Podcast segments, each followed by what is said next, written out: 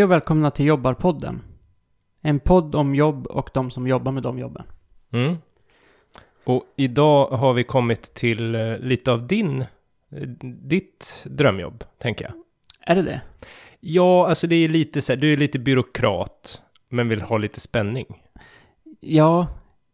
Problemet är att jag, jag hade velat vara lite byråkrat. Ja, du vill vara byråkrat, Ja. men, och du är klipsk. Ja, Så jag tror att det här skulle passa. Det. Ja. Ja. Mm. Klyftig. och det tror jag man behöver. Kan jag spela mina kort rätt? Nej. Mm. Ja, kanske man får lära sig på den här utbildningen. Om det finns någon speciell utbildning till det här. det finns det ju. Det, KGB han, han, eh, har, har ju den i, I Ryssland. i Ryssland, Ja. Sankt Petersburg. Då, eller? ja, de hade det. Ja, Nu vet jag inte vad de har. Nej, men det är ju spion då. Ja, vi fortsätter på det här temat att vi, ja, vi har ju slutat intervjua folk. Mm, Och bara hänfallit åt att kolla olika grejer på SVT Play och... just det. Gärna väldigt mansdominerande yrken. Ja, som, det- som väldigt så här manliga drömmar. Jo. Så det är ju Snubbjobbspodden. Ja, Just det, välkomna till Snubbjobbspodden. en podd om vad vi drömmer om. Vad snubbar som inte jobbar med de jobben drömmer om att jobba med för jobb. Som är Mm. snubbiga. Precis. Ja. Ja, och då eh, har vi ju tittat på lite tv-serier Mm. eh, för att researcha. En eh, av mina absoluta favoriter som på svenska heter Falsk identitet. Mm. Och på Det- franska heter den... Uh, Jo, det vet vi va? Le Legend du Bureau. Just det. Mycket snyggare. Mycket snyggare, ja. Men jag fattar att det är svårt att översätta till, till svenska. Det skulle vara typ så här Legendernas kontor. Mm, och legend är då alltså typ... Legend är ju liksom storyn de får hålla sig till. Ja, ja. Om du till exempel eh, var anställd av franska underrättelsetjänsten Så min legend är då att jag är en trebarnsfar som... eh, som jobbar på operan. Ja. Men egentligen Mm. så är den en riktig liten dödsmaskin. Just det. Ja. Nu ler jag här. jag tänker på det. Ja. Att, ja, hur nära sanningen vi helt plötsligt kom. Ja. Eh, ni kan, det är kanske Magnus som gör den här podden själv nästa vecka. Vem vet vad du hade lagt i kaffet här. Ja, vem vet? Ja, det, din stora favorit i världspolitiken just nu. Som lyssnarna ju lätt kan lista ut vem det är jag pratar om. Mm? Alltså Vladimir Putin. Vladimir den första. Ja, just det. Ja. Eh, han är ju gammal spion. ja, precis. Och han har gått på den KGB-skolan. Mm. Det är lite som Hogwarts för spioner. Ja, ja. Det, istället för sådana här olika formler och sånt så lärde han sig, ja vad kan det vara? Det CIA kallar förstärkta förhörsmetoder. ja, men också så här... Men det, går ju, Subversion. Det är svårt där, för de har ju inte magi liksom. Nej. Eh, och då går ju tekniken går ju så fort. Så att han kanske lärde sig då hur man fotar med sån här pytteliten kamera. Ja, just det. Men det behöver han inte använda nu. Nej, nu är det ju... Det är verkligen retrospionage i så fall om man kommer med en sån. Mm. Så det det måste, man kanske måste liksom uppgradera sin utbildning var tionde år. Mm. Gå en liten... Liksom. Men just det, han, han då, för att hålla sig kvar- vid Putin, Mm.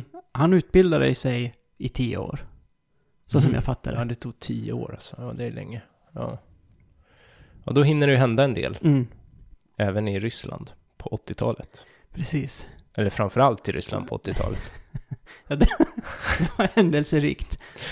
Ja, men vi ska inte bara prata om eh, honom, Nej, utan vi ska prata om eh, hur, hur våran uppfattning, vi har samlat information då via dramaserier, manusskrivna sådana. vi har, eh, vi har gjort en liten sån, eh, vad kallar man det, inhämtning. Mm.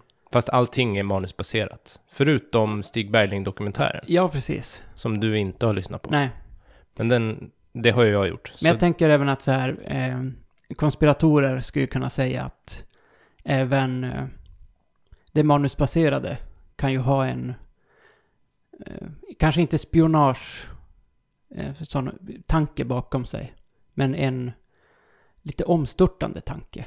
mm. Eller status quo-tanke. Som jag tänker att den här um, falsk identitet Just det. skulle vara mycket så. Mm. På samma sätt som Homeland som serie gör lite av en så här eh, rättfärdigande för CIAs alla. Just det. Det är bra som Snedsteg. det är. Och Mm. då måste vi göra så här. Man måste knäcka några ägg Mm. för att göra en omelett. Jo, det jag tänkte på var att den här, han som skrev James Bond, han var väl också spion? från- Ian Fleming? Ja, Okej. eller han hade gått någon sån skola eller någonting så. Var det inte så? Spion Hogwarts. Precis. ja. Och det kanske är vanligt att man eh, tar med sig sina... Det, det, kom, det hade ju Jan Guillou också. Eh, han hade inte gått på spion Hogwarts. Men han hade ju eh, torskat och fått sitta inne. Mm. För att han... Eh, Var det där han började knappra på sina Hamilton-böcker? ja, precis. Ja. Och det var ju för att han hade gjort ett eh, grävjobb. Mm. Eh, och då kommit fram till att det fanns en hemlig polis, typ, i Sverige. Ja, en hemlig del av hemliga polisen. blev Ja, det. precis. Hemlig del av säkerhetspolisen. Mm. Mm. Ja, en hemlig polis. Säpo är ju inte hemligt. Nej, Så då, hemliga polisen. Ja, Det hade varit kul med den. Eh, han tänkte att den skulle heta det, boken. Och sen så var det någon som sa, nja, fast kan vi döpa om den? tänk Cockroach istället. Ja, okej, ja men då tar jag det. Vad sa du? Jag tar det du sa. Ja, ja. även eh, John Le Carré har ju varit, enligt honom själv, det är lite så omtvistat. Om han har varit spion på riktigt. Mm. Det måste han ju nästan. Ja, jag tänker det att, i alla fall på någon slags byråkratnivå. För att det är ju lätt att, att fantisera.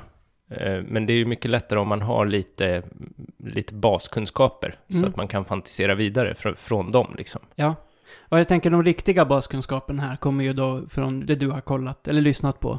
Med Stig Berling, nej inte Stig Berling. Jo. Stig Berling. Precis. Just det, det är skillnad på Gösta Berling och Stig Berling. Ja. Det är det. Två helt olika karaktärer. Mm, och nu kommer jag inte ihåg vad han heter, för han är ju också med då i, i eh, Jan Guillous böcker. Där han heter någonting annat. Okej. Någonting väldigt snarlikt. Jaha. Ja, jag har ingen aning. Jag har inte läst Glio faktiskt. Nej, inte jag heller, men det framkommer i den här eh, dokumentären om Stig Bergling. Mm. För då får han tydligen halsen avskuren. Oj, I boken i alltså. boken. Ja. Ja.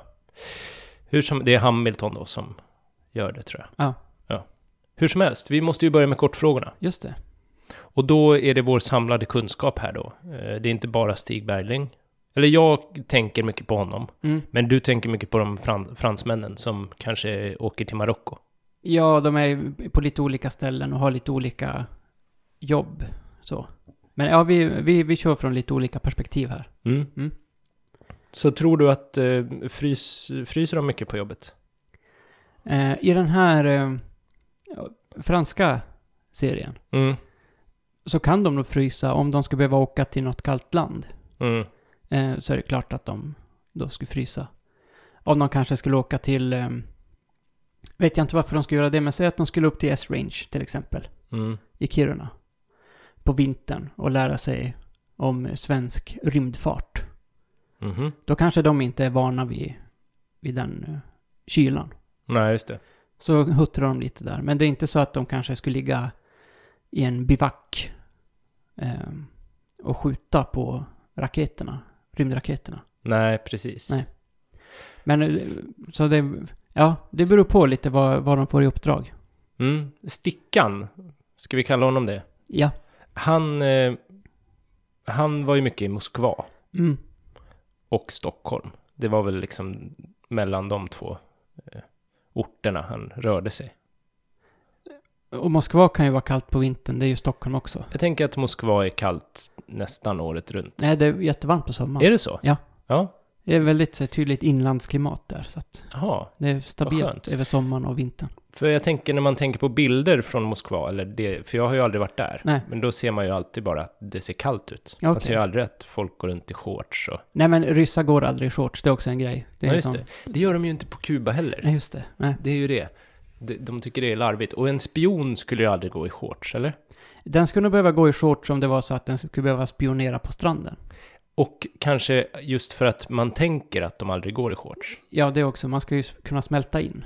Men det betyder inte att man ska i Kiruna gå runt i shorts för att man tänker att då är det ingen som tror att jag är spion. Det, det är inte en obligatorisk del av uniformen. Nej. Nej. Och då kommer vi in på nästa fråga. Mm. Måste man ha uniform? Man ska ju sticka ut så lite som möjligt. Ja, så inga shorts i Kiruna, Nej, men ingen eh, tjock täckjacka i, på stranden i, någonstans runt Medelhavet. eh, precis. Om man är i Barcelona av någon anledning Mm. och ska spionera på folk som eh, för tillfället glassar runt på stranden så kan man ju inte ha på sig vinteroverallen. Nej. Utan då får man bara ta på sig de här billabong-shortsen och gilla läget. Mm. Man kanske till och med får en bild av någon vanlig person. Som, Man får en sån här målbild, eller vad ja, man ska säga. typ så här. Den här ser väldigt vanlig ut. Just här. Ja, okej. kan tänka mig det moodboardet de har på, på kontoret där. Mm. Och att de har en sån här jättestor garderob. Där de har liksom utklädningskläder. Ja. Ja, men så det... Nej, inte någon tydlig uniform. Jag kan tänka mig att om man jobbar på... I den här franska serien då, när de sitter på kontoret. Mm. Och sitter mycket framför datorn och kollar på olika kartor och sådär. Mm. Eh, då är det mycket, ja men, kostym. Så, Mm. kontorskostym. Det som Stig Bergling, eller Stickan, eh, pratade mycket om i radiodokumentären, han var ju med där själv, det var ju det här med hans rymning. Alltså han torskar ju och, eh, och satt inne Mm. i tre och ett halvt år tror jag. Sen rymde han. Okej. Och eh, då berättade han ju om sin rymning. Hur gick den till? Ja, det var ju helt fantastiskt. Jag vet inte om jag ska ta den nu, eller jag, jag tar den lite pö om pö tror jag. Ja. Det, det som jag tänkte säga nu, det var att han, han då hade lite så här peruker och glasögon och sånt till sig själv och sin eh, dåvarande fru när de skulle rymma. Ja, Så att de kunde byta utseende. just det. Eh, så, så att där var det verkligen så som man Mm. tänker sig. Ja, men vilka stressiga situationer tänker du kan uppstå på det här jobbet? Ja, om man är sån här kontorsnisse åt franska underrättelsetjänsten Mm, så kan det bli väldigt stressigt när någon av de som man har ansvar för, som man är kontakt åt, mm, kanske mitt i allt blir gripna av eh, iranska militären. mm, Då, då slår ju adrenalinet på. mm, Om till exempel någon har gjort bort sig i fyllan i Algeriet. ja, Någon som ska hålla käften på sig. Men inte, man vet inte om den liksom klarar av spriten. nej den kan det. prata vitt och brett. Mm, Då blir man ju stressad.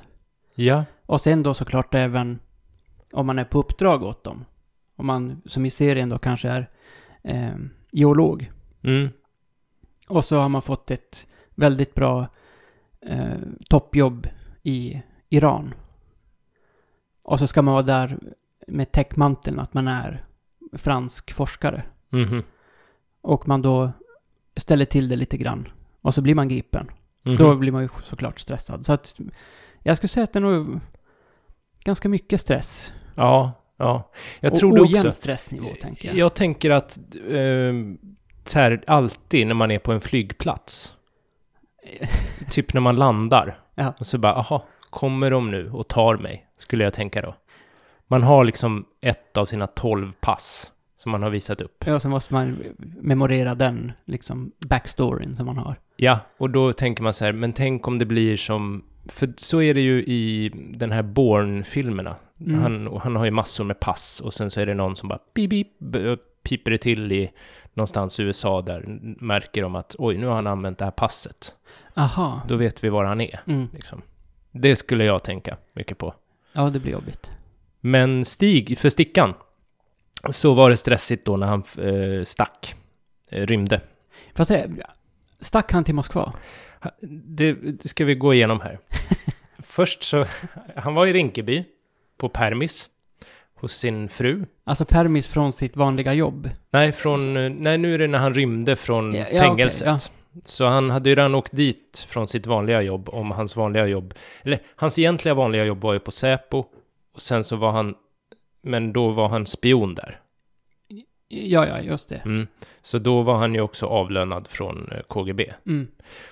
Så det är ju svårt. Han hade ju två jobb Mm. på samma gång. Vilken dröm va? Man får gå liksom till ett jobb är ett jobb att få, Få två löner. Ja, det är,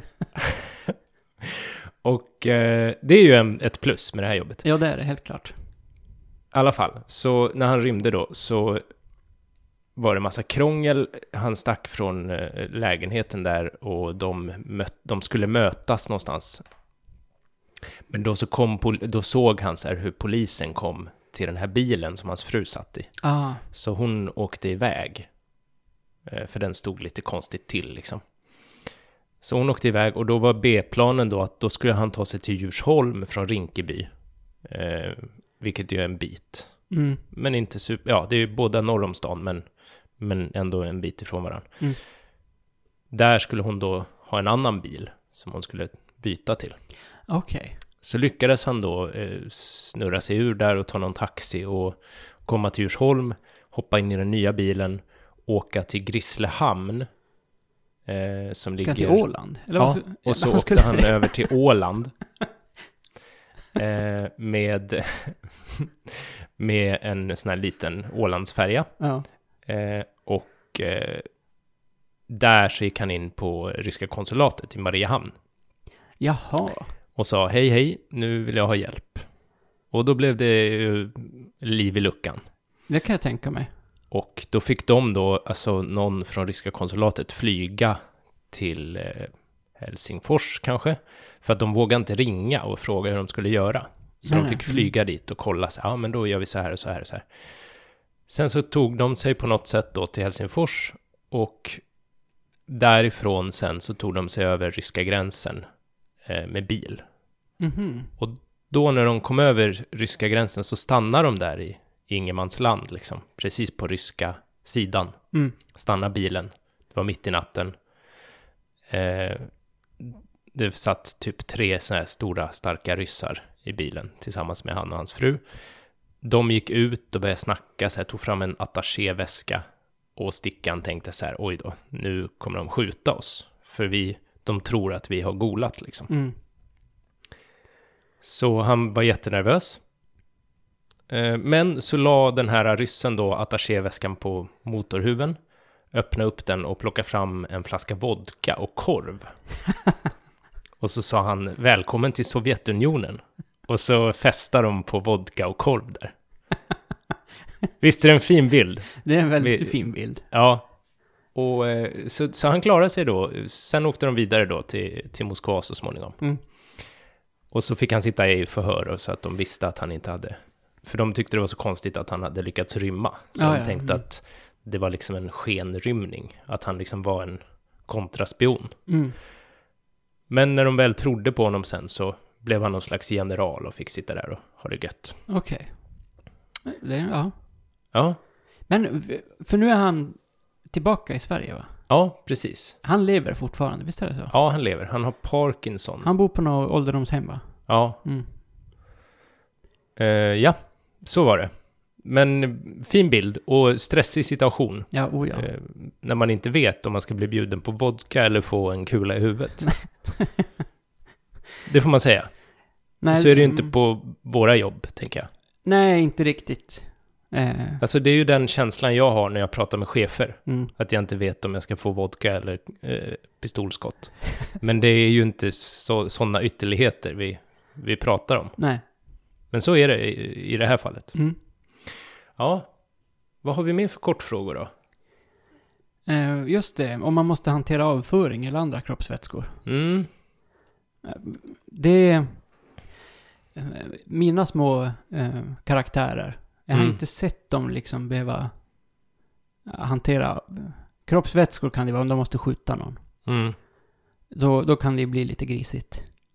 Ja, precis. Men... ehm, annars är det inte, det är inte liksom omvårdnad de håller på med. Nej. Ehm, Nej, nej, det är det, det är, det är också lite grann... Om de skulle behöva så skulle de inte kunna backa så. Tänker jag. Mm. Men Eh. man, man kanske kan kissa på sig om man hamnar i den här ryska bilen. Ja, då kan det nog vara bra med en vuxenblöja där. Mm. Men jag tänker att eh, ett scenario skulle kanske vara att de... Eh, det är någon som man måste ha ut information av. Mm. Som av någon anledning har personlig assistans. Ja. Eh, och då kan man ju då kanske få den tjänsten som personlig assistent till den. Och då får man ju se till att byta och göra all den ADLen, som det kallas, på den personen. Till exempel då om man skulle vilja fråga ut Stickan lite närmare vad han har Exakt. gått igenom. Så skulle man jobba som hans personliga assistent. Mm. Så eh, personalen på hans äldreboende är ju antagligen bara Säpo-personal. Mm, precis. Mm. Hans information börjar bli lite gammal nu. Och kanske lite... Den kanske kommer lite blandat nu också. Han verkar väldigt eh, klar i huvudet. Han är eh, det? Okej. Fast det var ju tio år gammal den här dokumentären tror jag. Ja, okej, men, ja. men då var han fortfarande väldigt med. Mm. Ha, mm. Men tror du att de vill byta jobb då? Och i så fall till vilket då? Ja, det kan ju hända att de kanske har överskridit, överskridit sina befogenheter. Mm. Och kanske blandat in eh, ja, men personliga känslor i sitt yrke. Ja. Och gjort då saker, för, kanske för att få ut en viss person som de råkar bli kära i. Mm. På ett sätt som de då inte får bli. Just det. Och då, ja, då kanske man istället hoppas att CIA vill hjälpa till, eller att man kan hjälpa CIA. Mm. sådär. Mm. Mm. Ehm, och just dubbelspionage, då blir det ju då att man ofta vill byta jobb eller säkra upp sådär. Just det. Men, eh, och jag tänker att man kanske annars också, om man inte är en sån eh, mästerspion, att man bara jobbar som att det är spion man är i första hand. Mm. Utan man kanske, eh, ja man kanske har ett vanligt jobb och jobbar utomlands Mm. på, eh, säg att man jobbar på Siemens i Tyskland. Och så håller man på letar upp massa viktig information. Och då kanske man ledsnar på, på den delen. Man hade egentligen bara velat ha ett vanligt ingenjörsjobb kanske. Ja. Så där, ja. För det är ju mindre stress. Ja, precis. Om man Jag bara tänk, ska liksom, för jag tänker att om, om det är så att man nästan åker dit någon gång, mm, så att det är någon som så här äh, kommer in i rummet när man står med sin mi, minikamera. ja. Då kan man tänka så här, nu är det dags att byta jobb, för nästa gång så kommer jag torska. Mm. Eller man då i modernt, i nutida sammanhang. Mm. Om man har en USB-sticka. Mm. Så man tänker att fan, jag måste få in den här i den här personens dator. Mm. Så att vi får den här trojanska hästen från Mossad rakt in i deras eh, eh, informationssystem här. Mm. Eh, och så går det liksom, det, det, det är jobbigt och ja, Mm. Säkerhetschefen liksom är, frågan är lite konstiga frågor hela tiden och sånt där. Men så måste man ändå göra det där. Då, då tror jag man tänker att men hade det inte varit bättre att bara vara helt vanlig geolog och jobba med han islänningen i Uppsala som Mm. de ringer varje gång det är vulkanutbrott och sånt. Just det. Mycket lugnare. Ja. Mm.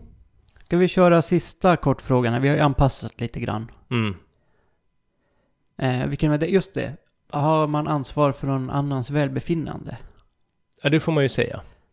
Det är ju hela det landet som man eh, spionerar åt. Ja, och kanske hela västvärlden. Du, Eller östvärlden Ja, då, i. Stig Berglings. Ja, precis. oj, nu. Mm, nu blev det lite Nu blev det. snurrigt här. Ja, man har det, eller både och. För då kommer jag att tänka på den här uh, tyska serien som gick i våras. Som Mm. inte hette Weissensee, utan något annat. Det var bara en pojke i Östberlin som åker över till väst. Ja, den hette någonting och sen typ 84. Ja, ja, men nu kommer jag ihåg ja. Just det. Det är han som, han är med i militären där va? Ja, och han... Pojke, alltså han är... Inte pojke pojke. nej, utan- han är ju liksom 22. Ja. Och han, han kommer ju liksom in i väst där då och Mm. nästlar sig in jättehögt inom militären på något sätt. Och sen så så lyckas han då eh, säga åt öst. Ja, både väst och öst är jättenära ett kärnvapenkrig. Mm. Och så lyckas han styra av det i sista stund, för det är bara massa missförstånd som allting bygger på. Okej. Ungefär så minns jag plotten. Bara massa missförstånd. Ja. Ja. Så, så kan det ju vara. Och han hade ju ansvar då för, eller han tog ansvar för väldigt många människors eh, välbefinnande. Jag undrar om det är det som eh, Jimmy Carter har tänkt sig nu när han erbjöd sig, 93 år gammal, att åka till Nordkorea och förhandla. Eftersom att det har blivit lite missförstånd kring Trumps twittrande. Mm. Så kan det vara. Ja, Att han har sett den här, äh, men den hette väl något så här Berlin, alltså typ Alexanderplats 84, eller något sånt. Hette den inte det? Någon sån Berlinplats. ja, ja det kanske han gjorde. Jag, vet, jag kommer ihåg den vagt den där. Mm. Det var många sådana där spännande, var inne på eh, militärchefens kontor och Mm, hittade någon liten lapp. precis. Så 1984 var det ju fortfarande lappar man skrev upp saker på. Ja. Mm. Och han skulle gräva ner det i skogen och... Ja, just det. Mm. Mm. Träffa någon kontakt. Mm. Ja, det var spännande. Mm. Ja, jo men så kan det vara att Carter tänker det. Att han ska vara, att han är 22-årig östtysk eh, pojke som ska avstyra hela eh, världskriget. Ja. Mm. Det är hedervärt, får man ju säga. Det får man verkligen säga. Mm. Bra, men då har vi... Då är vi klara med kortfrågorna va? Mm. Känns som att vi kunde svara på dem Ja, väldigt... det var ganska lätt. Mm. Mm. Hur känner du så här långt? Är det ett jobb för dig? Äh, nah. Alltså det där att hålla på och vara eh, ute i något annat land. Det, jag hade inte haft något så det jättemycket emot att jobba utomlands. Nej. Men hellre då att man jobbar då för det landet. Alltså, eller i det landet bara. Just Inte där under någon slags täckmantel. Mm. Eh, det tycker jag verkar vara väldigt jobbigt att hålla så här med sina olika historier och eh, lögner liksom. Mm. Så. Ah. Jag är jättedålig på att ljuga så, så, och jag blir jättenervös av sånt. Mm. Så jag skulle inte klara av det. Ja, nej, jag tänker den där kontorssidan, den verkar lite bättre. Ja, Man men, ändå får sitta i, i Paris. Det verkar inte vara så... Alltså man kartor. kanske ändå måste kunna hugga i. Ja, man kanske behöver ta olika sådana jobbiga, snabba beslut. Mm. Eh, det, det kan hända. För man kan inte gå upp direkt och bli chef bara, tror jag. Nej, men då måste man ju också ta många... Ja, precis. Men Jobbiga, då snabba slipper man eh, gå ut. Alltså då sitter man hemma i sitt hemland och bestämmer Mm, ja, över alla precis. andra. Mm. Men där har vi också den, den frågan som eh, ju det mesta brukar falla på för dig. Mm. Kortfrågan. Mm, just det. Om det finns en auktoritet som står över dig. Ja, det verkar det ju som. Oh ja. Till och med, alltså minst en. En liksom i det landet som man spionerar åt. Mm.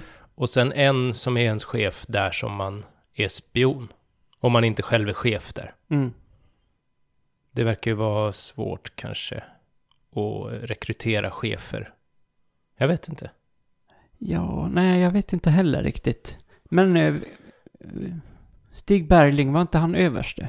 Han var ju någonting, jag minns inte. Det är men- ändå ganska chefigt att vara Mm. överste. Jo, han var ju högt uppsatt. Mm. Så var det ju. Eh, men kul tyckte jag att- lyssna på honom eh, när han berättade så, så varmt. Han, han var liksom Sovjetvän fortfarande. Ja, då är ni två. Han liksom berättade om hur, hur härligt det var Ja. att få komma dit. Liksom. Och sen så under perestrojkan så var han tvungen att åka runt. Då, då åkte han liksom prick när liksom revolution, alltså helt bara utan att, att det var meningen. Så hamnade han liksom i alla olika revolutioner där i. han åkte till Budapest och till, eh, vad heter det, Rumänien, Bukarest och alltså han prickade in flera sådana Mm. platser som bara oj då, nu rasar allt här. Och så börjar folk titta snett på honom. Hur kommer det sig att han eh, äter oxfilé? Ja, ja. Mm. ja. Det är ju jobbigt. Ja. För han fick oxfilén i eh, attachéväskor. Mycket med attachéväskor var det. Jaha. Eh, Fyllda med oxfilé. Ja, han Tänker stod- ska vara han fyllda med något annat, men... Nej, men han fyllde i en, en lista, liksom. En handlingslista. Lite som de här matkassarna på internet. Vad, vad han ville ha från liksom utländsk valutaaffären. Ja, precis. Mm. Eller direkt från bara, ja, någonstans. Mm. Och så kom det hem då. Men inte i matkassar, utan i attachéväskor. Ja. Smidigt. Skönt att slippa gå ut och handla och sånt. Det kan ju vara stressigt efter jobbet, Mm. hinna med det. Eh, så vi sponsras ju inte av eh, en sån matkasse, men det hade vi ju kunnat göra. I alla fall i det här avsnittet. Linas lilla sovjetiska lyxkasse. Linas attaché. Iransk kaviar och... St- Stickans, han kan ju öppna en sån kanske. Stig Bergling. Ja. Men jag tror att han fortfarande, jag tror att han är lite efter där. Han är ju kvar i 80-talet, så att det är liksom sådana Levis jeans han kommer med. Mm, just det. Ja. Han tänker liksom att, Nylonstrumpor. ja, Marlboro cigaretter. Ja. Jag vet inte vad man ska ha nu då. Vad är motsvarigheten? Nej, jag vet inte. Alltså, kubanska cigarrer funkar väl bra, eller? Det är ju fortfarande svårt att få tag på, eller? Nej, nej det är det inte. Det får man ju till och med köpa i USA nu. Men är det, ja, okej, så det går inte heller. Nej. Nej, du ser. Det här får vi klippa bort. Nej, jag vet inte vad som skulle kunna vara motsvarande. Nej, men man får gärna höra av sig om man har tips. Mm. Om man har lite mer fingret på pulsen än vad vi har. Så man vet, vi vet inte ens vad det är vi missar. Nej, Vad det är som är så svårt att få tag på. Det vet inte vi. nej. Men jag tänker så här, nordkoreaner, de vill väl ha eh, sydkoreansk populärkultur till exempel. Mm, det det. är ju en ganska stor, stort inflöde av det till Nordkorea. Ja, de kanske inte bryr sig om Coca-Cola. Ehm, ja, kanske. Men jag tror att eh, just kulturgrejerna eh, verkar vara det de suktar efter. Mm. Och med kultur menar jag alltså typ motsvarigheten till det som går på kanal 5. Okej. Så. Ja. Skräp-tv. Mm. Sånt vill de ha. Mm. Och det kan man då kabla ut till dem om man är duktig på datorer. Ja, det kan vara svårt just kanske till Nordkorea. Men en USB-sticka kanske funkar. Mm. Om de har, ja precis. Mm. Om de har en dator. Mm. Okej. Ehm, det är en idé. Annars så, ja men det är ju lite spännande att tänka hur man skulle liksom kunna ta det här, allt spioneri och göra något eh, nytt och fräscht och i, i kapitalismens namn sådär. Förutom att skriva böcker och göra tv-serier. Hur kan man liksom, ja men som eh, Linas attaché Mm. med oxfilé då. Eh, skulle kunna finnas flera sådana grejer som de, de hade mycket att komma med. Och, Ja. låg, och låg i framkant. Alltså det känns ju tydligen... Eh, problemet, eh, eller ja, ett av problemen Mm. får man väl säga med NSA, alltså det här amerikanska övervakningsprojektet. Mm. eh, i den liksom, digitala tidsåldern, eller vad man ska kalla det vi lever i nu, är ju att det finns så oerhört mycket eh, elektronisk information. Eh, där folk då kanske men planerar olika terrorattentat kanske, eller något sånt. Mm. Eh, så man förstår ju att det är något som eh, säkerhetstjänsterna vill övervaka. Man, man fattar ju det ganska klart. Problemet som det är nu är att med den här stora datainsamlingen så måste de ju ändå ha folk som sitter och läser igenom. Um, De Ja, måste ha en människa som sitter och tittar på det där. just Men det. där tänker jag att det har ju eh, till exempel Google eller Facebook och sådär. De samlar ju in väldigt mycket metadata. Mm. Ehm, Precis, man Så kan väl säga att vi en- gör ju det lite sådär eh, av frivilligt. Ja, nu Lämnar lämnar, man ju väldigt oss. många avtryck sådär. Så där har de ju lyckats. Mm. Att nu så, ja. Och samtidigt misslyckats eftersom att de har ju då... Det är många saker som har skett som de har hittat digitala spår av. Men, i och med att de måste kolla så många, många fler bruset personer, jo, precis. stort. så Mm. försvinner det liksom. Mm. Så där hade det kunnat vara något att eh, slipa på den algoritmen. Mm.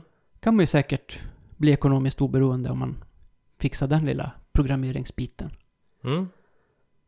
Just det. Finns det, Men någon kurs på Malmö högskola? Programmera spionagemaskin. Annars får vi väl starta den då. Ja, Det finns det verkar där skriva och publicera i digitala medier, heter det så? i ryska medier. Russia Times of Vikantakti. Ja. Nej, men det är väl inget jobb för oss va? Det verkar ju jättespännande och kul sådär. Lite som bankrånare. Mm. Eh, fast jag skulle inte palla det liksom. Nej, trycket är ju lite stort. Lite så att man vill lajva det, men Mm. man vill inte göra det på riktigt. Exakt. Mm. Eh, men jag tänker också, du pratade ju om Östtyskland. Mm. Eh, för där var det ju så att det är en av de historiskt sett liksom mest utbredd, utbredda spionageverksamheterna. I och med att folk angav varandra till höger och vänster. Just det. Och eh, fick liksom i uppdrag att eh, bara kontrollera sina grannar. Så där. Alltså den var ju... Den fanns ju överallt den här eh, Stasi-verksamheten. Mm. Eh, det de kallar informella medarbetare, tror jag det kallades. Ja, men det är lite samma där. Det är ju lite som Google då. Mm. Att det blir ju jättestort brus. Ja, precis. Eh, mm. Så idag gör man det i USA. Men då, då lämnar alla ifrån sig helt frivilligt sin information. Mm. Men jag tror att det fortfarande är så att en stor del av den liksom eh, informationen som man faktiskt, eller man, eh, som underrättelsetjänster och poliser och så kan gå på är det man kallar HUMINT, alltså Human Intelligence. Mhm. Alltså att man faktiskt har från en riktig person som känner någon som är på väg att göra någonting så. Så får man information den vägen. Okej. Det ska fortfarande tydligen vara det, eh, den riktiga hårdvaran. Alltså Ja. golare Golare, precis. heter det på svenska. Eller då, jag tänker att du menar att i Östtyskland så sa man inte golare, utan där sa man informell medarbetare. Ja, ja, men då Mm. var det ju inte så, alltså då golar man ju inte, utan då berättar man ju. Alltså det var ju de andra, det var Det är skillnad. Det är ju skillnad vem som är god och ond, tänker jag. Om staten är god så golar man ju inte på någon som är ond. Nej, nej, alltså, precis. då är inte det att gola. Nej. Nej. Mhm. Det gäller att hålla i- isär det där. Ja. Mm. Men, eh, ja, men finns det någon gammal eh, kvarvarande diktatur som behöver lite svensk info så vet ni ju vem ni kan vända er till. mm, absolut. Hör av er. Mm. Vi kan ju också sprida information via våran podcast. Ja, desinformation kan vi Mm. också sp- sprida, Ja, precis. Det har vi ju gjort med, med inte desinformation, men information om Ryssland. Vi hade ju ryska lyssnare. Just det, vi, där eh, blev jag lite förvånad faktiskt. I och med Putin-avsnittet så fick vi två stycken ryssling, eh, rysslingar. ja, två rysslingar som lyssnade, helt ja, enkelt. Ja. Ja. Spännande. Undrar Mm. vad, vem det var och vad de eh, fick ut av avsnittet. Ja, men det kanske bara var så att ryska motsvarigheten till NSA satt och skannade av hela jävla internet. Och så såg de så här Soundcloud, Putin, och han sitter på en tiger. Mm. Vad är det här för något? Och så, ja. Jag vet Ja. inte, vad tror du de kommer agera på det här? Vi har inte märkt något ännu. Eller? Nej, jag har inte märkt något. Vi har varit lite eh, trötta och så. Mitt lönekonto ser ut precis som det brukar.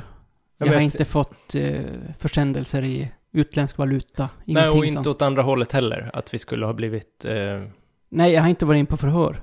nej, jag har känt mig trött. Mm, Men det är ju november och jag har jobbat mycket och så. mm. Så att jag tror inte att de har förgiftat mitt dricksvatten så att jag långsamt tynar bort. Nej, men jag tänker det...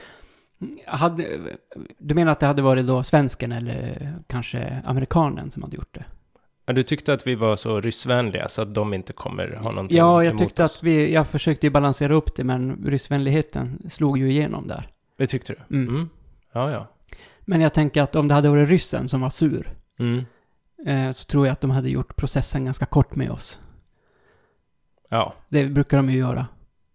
det vet vi inte. Ja, men det, Det vet vi. det vet vi. Polonium, karfentanyl, det är lite sådana kraftiga grejer. Det är inte långsamt förgifta dricksvattnet. Nej, fast det är ju Utan svårare det har att upptäcka. liksom vi, vet Slå ju, ut hela möllan. vi vet ju bara det som har upptäckts. Ja, Okej. Mm. Mm. Mm. Mm. Ha.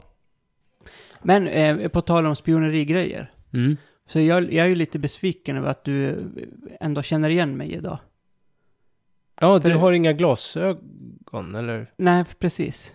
Du har, jag tänkte att det skulle, jag har linser. Du har linser idag. Och jag tänkte att det skulle liksom räcka. Men jag får kanske bättra på det här på något sätt. Ja, tyvärr. Alltså Mm. jag har ju sett dig utan glasögon Har du förut. det? Ja, men korta stunder. I, i en bastu vet I en jag. bastu, ja. Ja, ja. till exempel. Sen behöver vi inte gå in på, på mer detaljer kring det.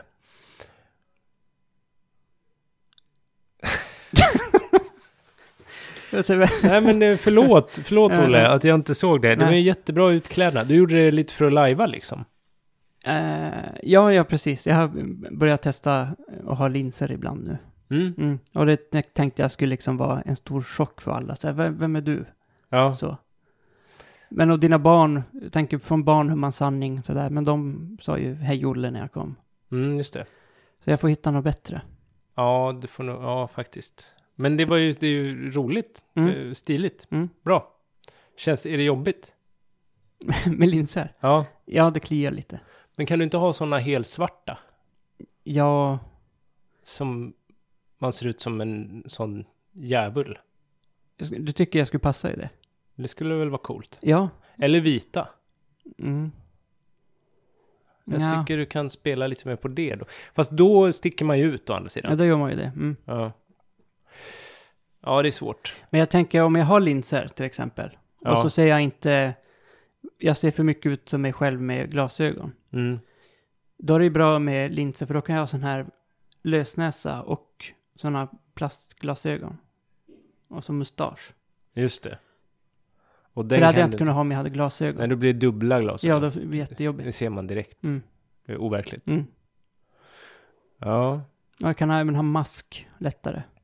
Mm. En sån Zorro-mask. Jag har ju provat ett skägg på eh, teatern. Ja, just det. Du skickade en- bild på det. Mm. Jättestort. Mm. Jag har ju väl ganska klen skäggväxt. Ja, du har ju bättre skäggväxt än vad jag har. Men eh, det där skägget var ju, lösskägget var ju rejält. Sånt riktigt Mm. CC Topp-skägg. Verkligen. Det kanske jag kan låna hem om vi ska liksom provspionera Mm. ute på stan. Det hade ju varit spännande. Mm. Kanske gå på något muffmöte eller moderat stämma. Muff, vi är tyvärr lite för gamla för muff, Ja, jag kom på det. Jag visste bara inte om Moderaterna har så här medlemsmöte, men det har de väl? Ja, men vi kan, kan vi inte bara försöka gå med i typ Odd Fellows eller något sånt där då? Ja. Ja, ska vi göra det då? Ja, men vi testar. Det är lite som, då light, light-spionerar vi liksom. Mm. Spännande, för de lyssnar ju inte på det här. Nej, det kan jag inte tänka mig. Nej, nej det tror jag inte. Ja, men vad kul. Mm. Och Odd Fellows, det är alltså... Ja, det är någon sån här eh, grupp, eh, någon slags orden. Ja, men är de väldigt rika eller? Ja, men det är, det är ju lite så här, nu vet jag inte hur det är i Malmö, men ute i landet så är det såna här lyckade företagare som Är det träffas de och som super. inte får vara med i Mensa typ, eller? Ja, nej, det tror jag, Man kan vara med i båda? man kan nog vara med i båda. Jaha, Finns det en grupp som, ja det finns ju en grupp som inte får vara med i Mensa, det är ju de som inte kvalar in. Men, Precis, jag tänkte det. Om man är rik och dum. Ja, jag tänkte, men då är de ju, ja, ganska mycket som precis alla andra. Mm. Enligt Mensa så är de ju som alla andra också. Alla är dumma utom de som är i Mensa. Mm. Enligt Mensa. Mm. Mm. Men, jo men jag tänkte ju försöka smyga in på det här med skatteparadisgrejen. Ja, ja, just det. Det var en, det var, det var en övergång här. Ja, Mm. men det gick ju inte. Nej, det, För den, det är ju- har ju varit mycket med det. Nu ligger vi inte helt i fas, så det här kommer ju inte ut liksom helt aktuellt. nej, det kommer väl ut liksom efter att, Alla redan har pratat om det. ja, och att det har gått liksom varvet runt så att det blir helt okej med eh, skatteflykt. Ja. Men just idag är vi arga. Mm. Eller jag är arg. Mm. Vad tänker du om det här med hashtag, vad får jag för det? Vad fan, får... får jag för de pengarna? Ja, just det. Ehm, nej, jag tänker att det, problemet med det där Ja. är ju att det verkar inte vara olagligt. Nej. Utan det är som någon, jag vet inte om det var någon minister eller vem fan det var, som sa att det var opassande. Mm.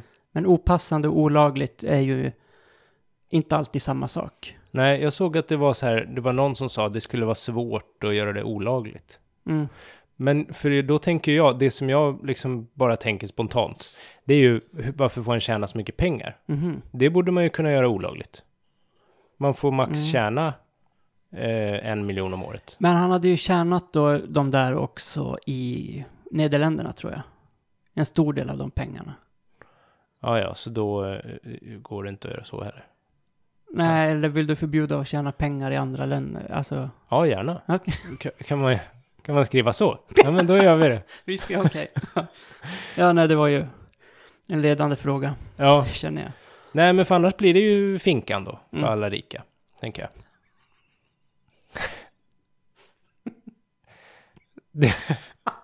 Direkt i finkan. Ja, Ja, ja, ja.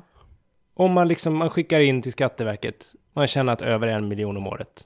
In i finkan med Det blir ingen skatteåterbäring, utan det blir... Hur långt, vad ska straffet vara? Jag vet inte, ett år kanske, eller? Ett år, okej. Det är Ja. ganska... Ett Mm. ganska långt straff, kan man... Ja, okej, jag tyckte det var ändå snällt, liksom. För då kommer man ju ut och så kan man fortsätta med... Ja, jag tänkte att det Men skulle man vara så har här ju när, lärt sig då att man inte... eh, när undersköterskan då får, som Reinfeldt sa, sin trettonde månadslön. Mm, Då med skatteåterbäringen. Just det. Så kan inte de här rika då, eh, de kan inte liksom lyxa till det. Utan de får sitta i fängelse där under semestermånaderna. Mhm, nej, det räcker inte. Det De räcker åker ju till Saint-Tropez i november i så fall, liksom. Mm, okej. Så det går inte. Vi får sätta dem i finkan i ett år. Och sen får de prova igen. Och så får vi se om de klarar Men det. tror inte det kommer leda till ännu mer skattefusk? Nej, jag tror, Jag tror, inte... tror inte Alltså, så här nolltaxeringar och sånt kommer öka då. Ja, jag vet inte. Det här får ju en jurist titta på naturligtvis. Jag tänker att det kan vara bäst. Men, eh, jag tror, men jag tycker det är viktigt att visa att det är sjukt att tjäna så mycket pengar. Och det går, det går inte för sig. För vi är så jättemånga som inte gör det. Mm. Och det är vi som har röstat fram, eller vi, men det är ju den liberala demokratin som har röstat fram sossarna då som regeringsparti. Mm. Och då ska man göra som sossarna säger. Eh, när det gäller skatt och så. Liksom. Mm. Man får ju vara arg och så och klaga liksom och liksom skriva insändare. Det tycker jag. Mm. Men man får ju göra så som flertalet har velat liksom. Eller? Annars så är det ju inte demokrati. Om de rika får göra som de vill, liksom. Nej, nej, det är, det är ett problem om det liksom blir en... För då kan ju vi också göra som vi vill. Ja, men det, problemet är att ganska få av oss ju kan det. För att man... Ja, men man, man får sin lön från sitt... Jo, men om, då kan jobb, vi liksom. också vara olagliga och ta 20 miljoner var om året. Ja, men jag tänker att vi inte har de möjligheterna. Att Nej, men jag 20 för, förstår miljoner. vad jag menar. Det blir liksom skevt om man, om man bara tycker att, nej men nu, de, de som har röstat, det är inte jag som har röstat på det här, så nu behöver inte jag betala skatt. Mhm, ja, ja. Mm. Då tror man, då är man ju inte demokrat, Mm. liksom. Då tror man ju inte på den, det Ja, då, systemet. går, då går man inte efter det, eh, efter bestämmelserna. Liksom. Nej. Nej. Så då får man ju åka in i finkan. det är inte mer med det. Nej, nej, det Det är, är ju inte som en, vilke, alltså som en bankrånare. Mm. Så enkelt tycker jag att det är med, Ja. med den eh, hashtaggen. Mm. In i finkan med dem. Vad, och hashtaggen skulle vara... In i finkan med dem. Vad fan fick du för det? Finkan? Ett år. Ett. År på Hall. Vi sätter dem på Hall. så att de verkligen lär sig. Ja, det... Hashtag ett år på Hall. Det blir svaret på den här. Mm. Ja. Just det, men vi, vi ska också prata om... eh, Jag tänker, när vi ändå är inne på den här hashtaggen, vad fan får jag för det? Mm. Eh, så tänker jag att ganska många tänker om ett konstprojekt som kostar 8 miljoner i Göteborg. Ja, det är inte mycket. Men det är ju då åtta årslöner för de som kommer tjäna absolut mest i Sverige. Enligt Mm. det här innan de åker i, alltså, ja, de som håller sig utanför finkan. Just det. Mm. Mm. Eh, det kostar alltså ett projekt Göteborg som du väl har lite bättre koll på än jag har. Nah, jag har väl läst någon artikel och sådär. Jag tyckte det var roligt. Det är ju det här projektet när de ska anställa någon på livstid. Mm. eh, för att gå runt på en, på en station. Eh, alltså, tror jag. En perrong. En Eller- perrong i Göteborg. Eller om det är under en perrong, alltså på Okej. något sätt i, i sam... Liksom i direkt närhet till en perrong. Mm. Och göra precis vad den vill. Så den kan ju gå runt och göra konst, till exempel. Men den måste vara på perrongen. Ja, det måste den. Hur ser tiderna ut? Är det så här 8 till Ja, 5 jag tror, eller? Ja. jag tror det är vanliga arbetstider liksom. Okej. Kanske att de försöker eh, liksom... Att man börjar kanske tidigare vissa dagar då, så att man tar morgonrusningen. Mm. Det är många som ska få titta på det. Mm. Det är väl det. Och så senare vissa dagar så att man får... Jag vet inte. Men hur som helst, man ska gå runt där och göra precis vad man vill. Mm. Det låter ju spontant jätteskönt, tänker jag. Men jag tänker att man ändå måste vara ute då. De här. Man måste ändå vara på en perrong. Ja, det är det jag inte minns, alltså, eller förstod. Om det är så att man har liksom någon slags glasbox där man får göra vad man vill. Mhm. Mm. Då kan man ju sitta och skriva, till exempel. Ja. Eller göra radio. Eller eh, ha en kennel kanske man inte kan. Men man kan ju göra ganska många. Om man jobbar där i, i 40 år, kan man nog hitta på rätt roliga grejer. Mm. Man får också säga upp sig. Får man få det? Ja, det Ja. får man. För det är det jag tänker, livstid. Och 8 miljoner. Jag tänkte att det skulle vara lön till den som håller på med det där. Mm, det är det Då nog. är det ju... Men är det en så jättebra lön? Nej, det är det inte. Nej. Alltså en person kostar väl... Alltså man kostar ju mer än dubbelt vad man får i lön. Mm. Alltså, för att det är ju sociala avgifter och, Mm. och så. Men... Så en miljon om året kanske eh, är mycket. Mm. Men säg 10-12 år då? Är det lön för den här personen? För 8 miljoner? Mm. Ja, Inte- det, det är ju inte inte så mer. det är inte så dyrt för ett så långt konstprojekt. Nej, eller faktiskt. hur? Nej. Ja. Mm. Så det är inte så dyrt. Nej, Jag tycker det var en rolig idé. Hade du velat ha det jobbet? nej. Det är direkt bara nej. Ja, nej, absolut inte. Ja. För jag, jag tänker att det ändå blir sådär att man ju... Alltså jag gillar inte så mycket att vara ute. Det är det.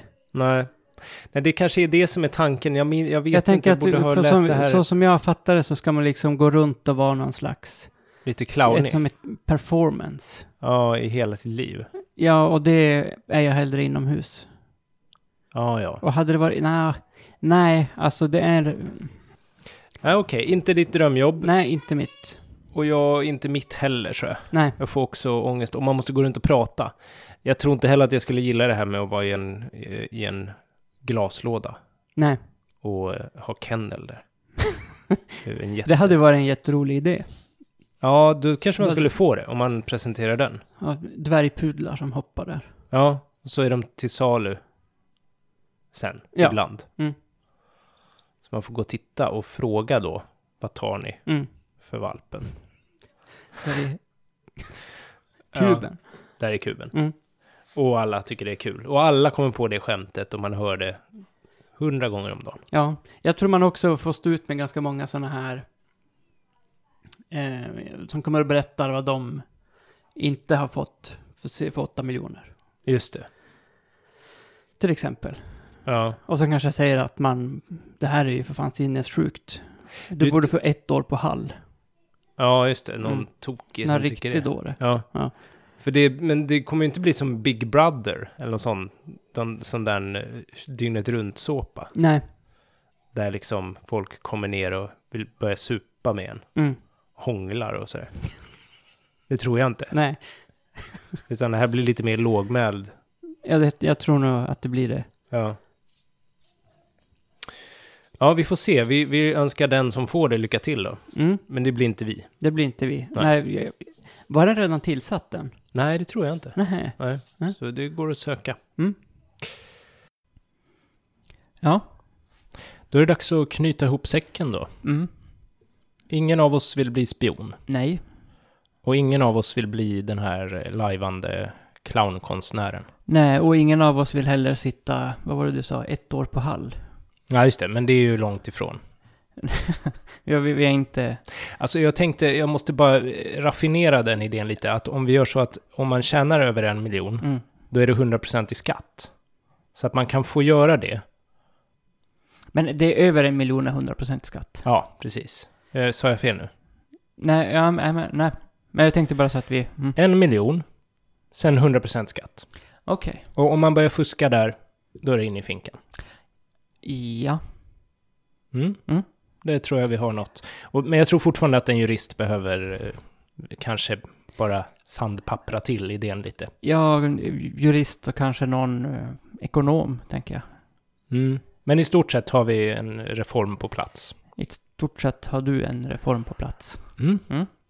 Du, du tycker att man ska få vara hur jävla rik som helst. Fruktansvärt rik och slippa hall. Tänk vilken tillvaro. Ja. Ja, där är vi olika. Mm. Men eh, det är väl det som gör oss till det här radarparet. Mm, dynamiska duon. Mm. Mm. Så vi kör vidare nästa vecka. Ja. Vad blir det då? Ja, vad fan blir det då? Jag har ju varit inne på det här med automation. Men då måste vi ju läsa och sätta oss in i saker. Mm. Vi får se, det kanske blir det. Eller så blir det något helt annat. Ja. Ja, Tack för att ni lyssnar. tack, tack.